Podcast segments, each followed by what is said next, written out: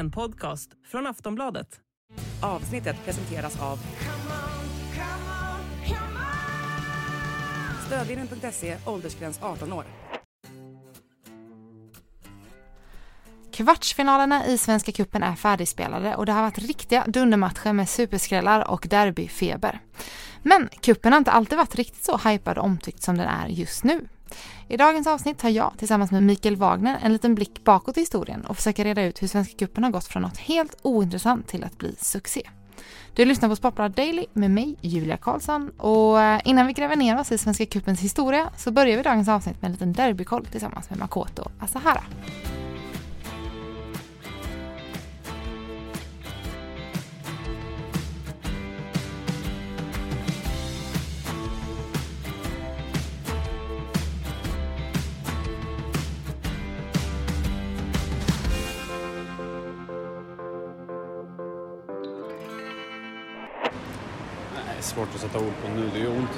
Det är ont.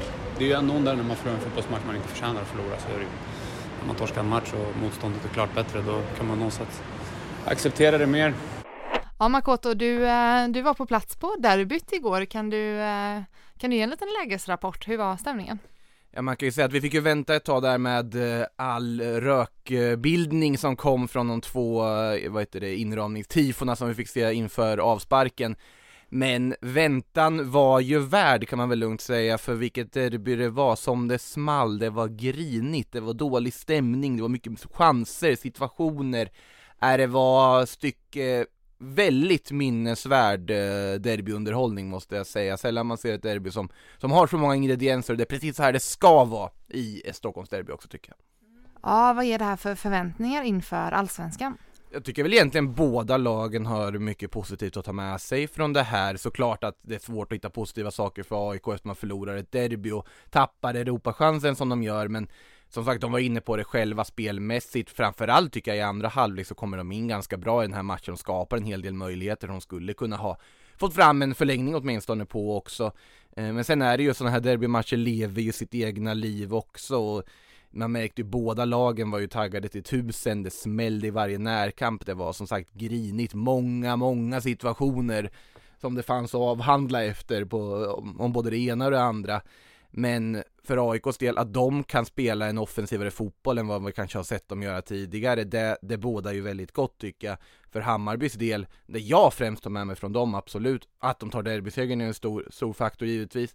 Men hur det här mittfältet fungerar med Tesfalde Tekki som kommit in som jag tyckte var en av planens absolut bästa spelare, Nahir Besara likaså. Och sen en alltid trygg eh, Lorit Sadiko som ankare bakom. Där har de en mittfältstrea som kan bli något alldeles extra den här säsongen. Och såklart de ungas eh, ja, bidrag i matchen, Rabis inhopp när han kommer in och gör det här målet. Jag vet kanske inte jättemycket i övrigt men han gör fortfarande målet bara ja, mindre än två minuter efter det inhoppet på all, i halvtid och, och sen också får man ju inte glömma Fredrik Hammars inhopp, han sa ju det Det enda jag tänkte var ta inte ett rött kort Vad det han tänkte när han gick in, taggat till tusen Firar slutsignalen med att slita av sig tröjan Det är inte ofta man ser en spelare göra det på en slutsignal istället för ett mål Men ja, det var mycket känslor, mycket passion och ett, eh, som sagt, väldigt minnesvärt och sevärt derby Om vi kollar på Hammarbys nästa motstånd, de går upp mot Mjällby i helgen som slog ut ett Kalmar på straffar. Vad, vad tror du om Hammarbys fortsatta chanser i cupen?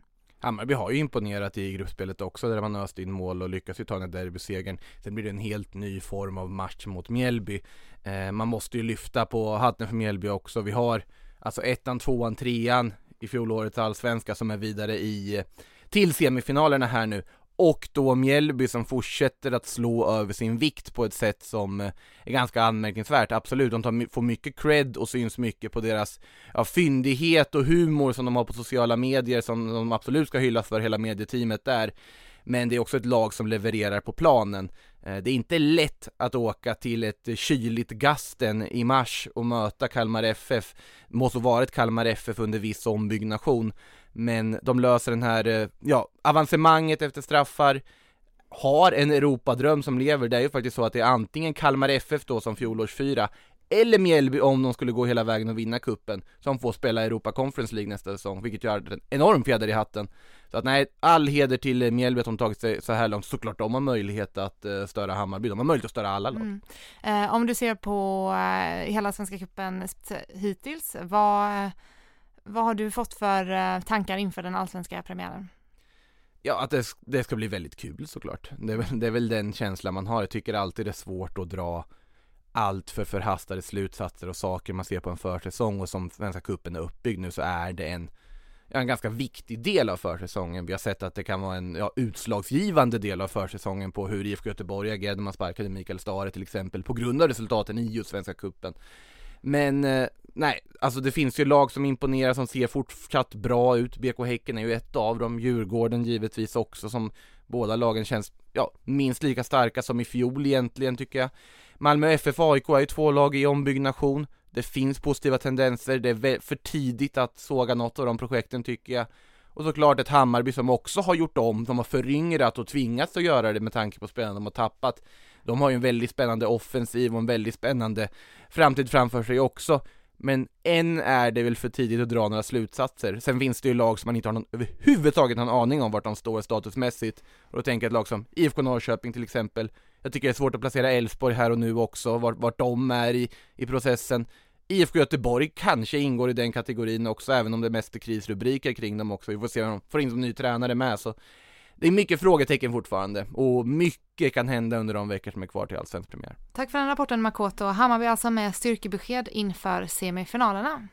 Det är dags att ta oss vidare för um, en liten djupdykning i Svenska Cupens historia. Och till det behöver jag Mikael Wagner. Hetaste oddsbonusen hittar du just nu på ComeOn. Sätt in 500 kronor så får du hela 1500 att betta för. På ComeOn får du smidiga utbetalningar på avgjorda bets och som vanligt direkta uttag.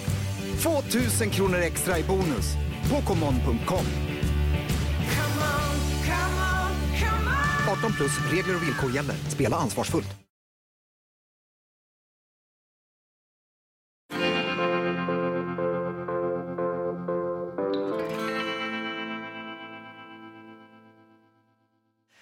Ja, Mikael Wagner, eh, Svenska kuppen har ju varit eh, allt annat än populär tidigare, men jag tänker att vi börjar med ett litet nedslag just nu. Hur eh, ser man på Svenska kuppen bland eh, klubbarna? Eh, ja, men då får man nog säga att det är eh, en jättesuccé, i alla fall när man ser tillbaka lite grann i historiens backspegel på, på hur Svenska kuppen betraktades tidigare. Och eh, alltså just i år så har det också blivit ännu större succé tack vare på grund av eh, så som lottningen har blivit och de lagen som har tagit sig vidare till kvartsfinaler och, och semifinaler just nu. Det är, det är storlagen, det är stora, stora matcher och det kommer precis i rätt, eh, rätt tid på, på året inför, inför allsvenskan. Det är inga meningslösa, rätt tråkiga träningsmatcher längre utan det är heta stormatcher. Och alltså, man får nog säga rent generellt att hela omgörningen av Svenska Kuppen för drygt tio år sedan eh, efter säsongen 2011 med det gamla formatet är en, det är en jättesuccé för, för ett väldigt svenskt format. Mm. Mm. Tänker man samma även hos de mindre klubbarna?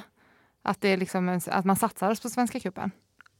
Där är, väl, där är väl de som är förlorarna med det här formatet som man nu då har sen, sen säsongen 2012-2013 när man nu då spelar ett slags kvalspel för de mindre lagen under sommaren och början på hösten. Sen kliver elitlagen med eh, superettan eh, och allsvenska lagen in eh, under tidig höst och där man kvalificerar sig för ett gruppspel.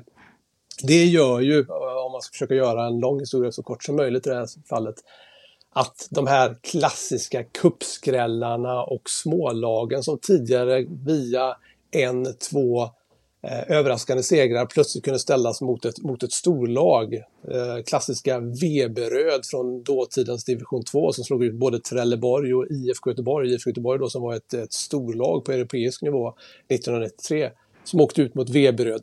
De matcherna inträffar inte längre på, på samma sätt därför att smålagen eh, de finns inte med så, så långt, långt ner eller långt ut i turneringen nu på samma sätt som de kunde göra tidigare utan agnarna sållas från vetet här tidigt. Mm, var det, om vi backar tillbaka lite då, hur såg det ut innan förändringen? Ja, men då var det ju en klassisk rak kupp eh, där Ehm, där de mindre lagen började spela mot varandra och sen lottades ehm, de större lagen då från, från Superettan eller eh, från division 1 och, och Allsvenskan in lite senare i, i kuppen och spel, spelade sina första matcher då eh, tidig vår någon gång eh, och sen så var det kvartsfinaler eh, sommaren. Ofta gick det två, tre månader, semifinaler, början tidigt tid, tid på hösten och en, en final efter allsvenskans sista omgång någon gång i november när det var som kallast och, och vintern och snön och allt var på väg. Det, det, var inget, det var inget klockrent format, det var spridda speldatum, det var svårt att få en överblick. Och, och de stora matcherna avgjordes när eh, när egentligen allsvenskan var som mest intressant och sen kom finalen som sist på säsongen. Mm. Svenska kuppen fick aldrig liksom det här klassiska greppet som, som kupperna har i många andra länder, som FA-cupen har i England eller som till och med eh, kuppen har i Norge där det är en klassisk avslutning på, på säsongen. Eh, så att eh, eh det, var, det var nödvändigt att, att göra om Svenska kuppens format. Mm. Mm. Hur ser det ut idag då från, eh, från supportrar och publikens håll? Är det någonting man bryr sig om? Ja, det, det, det, tror jag absolut. Det, det, är liksom en, en parallell med den, den sportsliga succén av omgörningen av kuppen till det här då gruppspelet som spelas eh, tidigt på säsongen, som spelas, som spelas i mars. Eh, det blir tävlingsmatcher istället för eh, ganska meningslösa försäsongsmatcher och, och träningsmatcher. Och, och som sagt, i gruppspelet så blir det ju lite mer eh, på, på gott och ont då. Det är inte de här klassiska skrällagen som finns där utan det är ofta allsvenska lag och det är lag från, från, från superettan, möjligtvis från, från division 1. Det är, blir bättre matcher och det blir större lag som, som möter varandra. Ehm, eh, och det blir, det blir också en bättre förberedelse för för de svenska klubblag som, eh, som deltar i Europaspelet. Som i år för, för Djurgården som har fått tävlingsmatcher att, eh, att förbereda sig med inför, eh, inför matcherna mot Lech Poznan. Mm. Mm, det har ju varit ett ganska långt pågående arbete där med kuppen. Vad, ehm, vad finns det för liksom nedslag som har gjort att det har blivit en, en succé nu då? Ja, dels, dels är det ju den här omgörningen då som Eh, till, till att gå från en rak, eh, rakt cup, eh, cuputslagsspel till eh, att ha, inleda med ett kvalspel och sen ett, ett gruppspel och sen kvartsfinaler, semifinaler och finaler. Mm. Det var ju eh, Stefan Lundin som var sportdirektör, tidigare tränaren som sen var sportdirektör på, på SEF som kanske var arkitekten bakom den här omgörningen tillsammans med SEFs dåtida generalsekreterare Tommy Theorin och de allsvenska tränarna. Det fanns gamla förlagor i klassiska Royal League som spelades med skandinaviska lag i början på 2000-talet och det fanns till och med någonting som heter La Manga Cup på, på 90-talet och så vidare. Um, alltså de försökte under, under flera år att göra Svenska Kuppen mer intressant. Det fanns ju liksom en del galna uppslag där för att, eh, för att väcka intresset. Jag vet, jag vet inte om du minns, men eh, runt 2010-2011 när TV4 sände Svenska Kuppen så hade de målintervjuer direkt. Alltså när någon hade gjort mål så skulle målskytten springa ut till sidlinjen, ta på sig ett headset och ställa upp en intervju, alltså mitt under matchen. Alltså, det blev ett uppehåll på 15-20 sekunder i matchen och så skulle målskytten svara på två, tre eh, alltså, klyschfrågor om, om målet. Alltså. Ja, det, det, det, det hjälpte inte riktigt. De, de spelade här och dam finalen på samma dag och det, det var en bra idé. Det, det gav något bättre publiksiffror. Men, men det är ju den här omgörningen från säsongen eh, 2012-2013 som har, som har lyft Svenska cupen helt och hållet. Det här med målintervjuer, det är ingenting du eh, vill rekommendera att man tar in i årets Svenska cup? Nej, jag, jag, jag tror inte det. Vi har fullt upp med eh, med bengal och rökuppehåll nu som fördröjer matcherna. Det är väl en tillräcklig problematik just nu när matcherna spelas på, på vintertid och, och stängda tak så att säga. Nej, inga, inga, inga speluppehåll med, med mål, målskytteintervjuer. Det, det skippar vi. Om vi går över till årets Svenska cupen då. Eh, kvartsfinalerna är precis över och det är dags för semi. Hur, eh, hur ser det ut inför det, skulle du säga? Eh, är det är två jätte, jättespännande och intressanta cup, cupsemifinaler med, eh, med först då Mjäl, Mjällby-Hammarby på lördag. Eh, det får vi säga att, att, att unga spännande Bayern får man nog se som en, som en favorit men, men det blir ändå, alltså det kommer bli en publikfest eh, när Mjällby ska spela sin eh, cupsemi. Det är ju en av de större matcherna för, för Mjällby i modern tid eller hur man nu ska uttrycka det. Och de kommer spela inför stor publik på, på Strandvallen, på vanligt gräs. Så att, eh, det blir en utmaning för, eh, för Hammarby helt, helt klart. Eh, och sen dagen efter då eh, häck, Häcken-Djurgården eh, med Djurgården som spelar eh, Conference League eh, Europaspel på, på torsdag mot, eh, mot Lech Poznan. Så att de är väl mycket påverkade av hur det går i den matchen och hur mycket de blir tvingade att rotera i sitt lag och så kommer de ställas mot eh, mot Häcken som jag rankar som eh, Sveriges just nu eh, bästa fotbollslag som spelar en, en, en fartfotboll eh, med en hastighet och löpningar och snabba spelare som jag inte har sett i svensk fotboll tidigare överhuvudtaget. Så att, äh, det, är, det är jätteintressanta matcher och ja, symptomatiskt för hur kul Svenska cupen är just nu. Mm. Eh, tror du att det är en, du är inne lite på det där, men är det, är det enbart en nackdel att Djurgården är ute och spelar Europa-fotboll redan nu? Alltså det där är ju, det där är, blir sådär alltid standardsvaret att det beror lite grann på hur det går och hur det går att det blir som det blir liksom. Mm. Um, uh, om de tar sig vidare och vänder mot Lech Poznan, uh, då, då överträffar liksom den uh, psykologiska glädjen och medgångsfaktorn alla trötta ben som, som de får. så att ehm, Eh, Eh, det behöver inte enbart vara en nackdel, men jag tror, inte heller, jag tror ändå i det här fallet att, att spela eh, semifinal på bortaplan mot Häcken tre dagar senare, det är, det är verkligen inte den enklaste utmaningen i svensk fotboll just nu, även om man då är så bra så att man har tagit sig långt i Conference League. Mm, vi kan också se det som, det är ju ettan, tvåan och trean från allsvenskan i fjol som är i semifinal i Svenska cupen i år. Mm, um, Hur hårt slag är det för Malmö och AIK som nu åkte ut exempelvis? Det var deras sista chans på Europa. Ja, men för, Mal för Malmö är det ju ett, ett, ett jätteslag. De, eh, alltså, de här lagen har ju satsat så hårt de kan på, på kuppen eftersom, eftersom det här är då sista vägen att ta en Europaplats.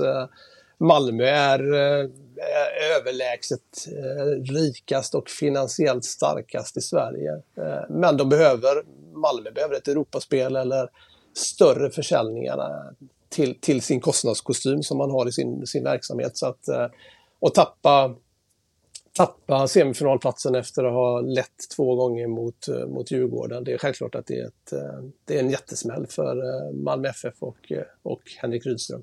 Mm, vem tror du, om jag får fråga en sista fråga, vem tror du kommer stå som vinnare av Svenska cupen i år? Ja du, mm, alltså det är som att fråga nästan, jag säga, vilka vinner allsvenskan, även om det ligger mycket längre fram i tiden. Men eh, jag får nog hålla fast vid, eh, vid Häcken då som har spelat en väldigt, väldigt bra fotboll. Eh, samtidigt ska det bli intressant eh, att se nu då när detta Häcken eh, Eh, som är regerande mästare, som har imponerat eh, enormt mycket på, på försäsongen och i gruppspelsmatcherna, hur de, hur de kommer kunna spela sin, sin fartfotboll mot ett, eh, mot ett tungt, med, mot ett liksom eh, bra, bra Djurgården som har en riktigt bra bredd i, sitt, i sin trupp eh, och som Eh, om de nu skulle komma från en, eh, en vändning mot Lech Poznan, eh, ja då, om inte, om inte Häcken är bäst så i alla fall eh, då är Djurgården självförtroende starkast i svensk fotboll åtminstone. Så att, det, det, det, ja, det är en jättespännande match. Men jag, jag håller ju Häcken som, som favoriter i den. Och Häcken sen i en, i en final mot Hammarby. Ja, det är, det är också ruggigt svårt, svårtippat. Tack så jättemycket för att du ville vara med. Hej då. Hej då, hej då. Du har lyssnat på en podcast från Aftonbladet. Ansvarig utgivare är Lena K Samuelsson.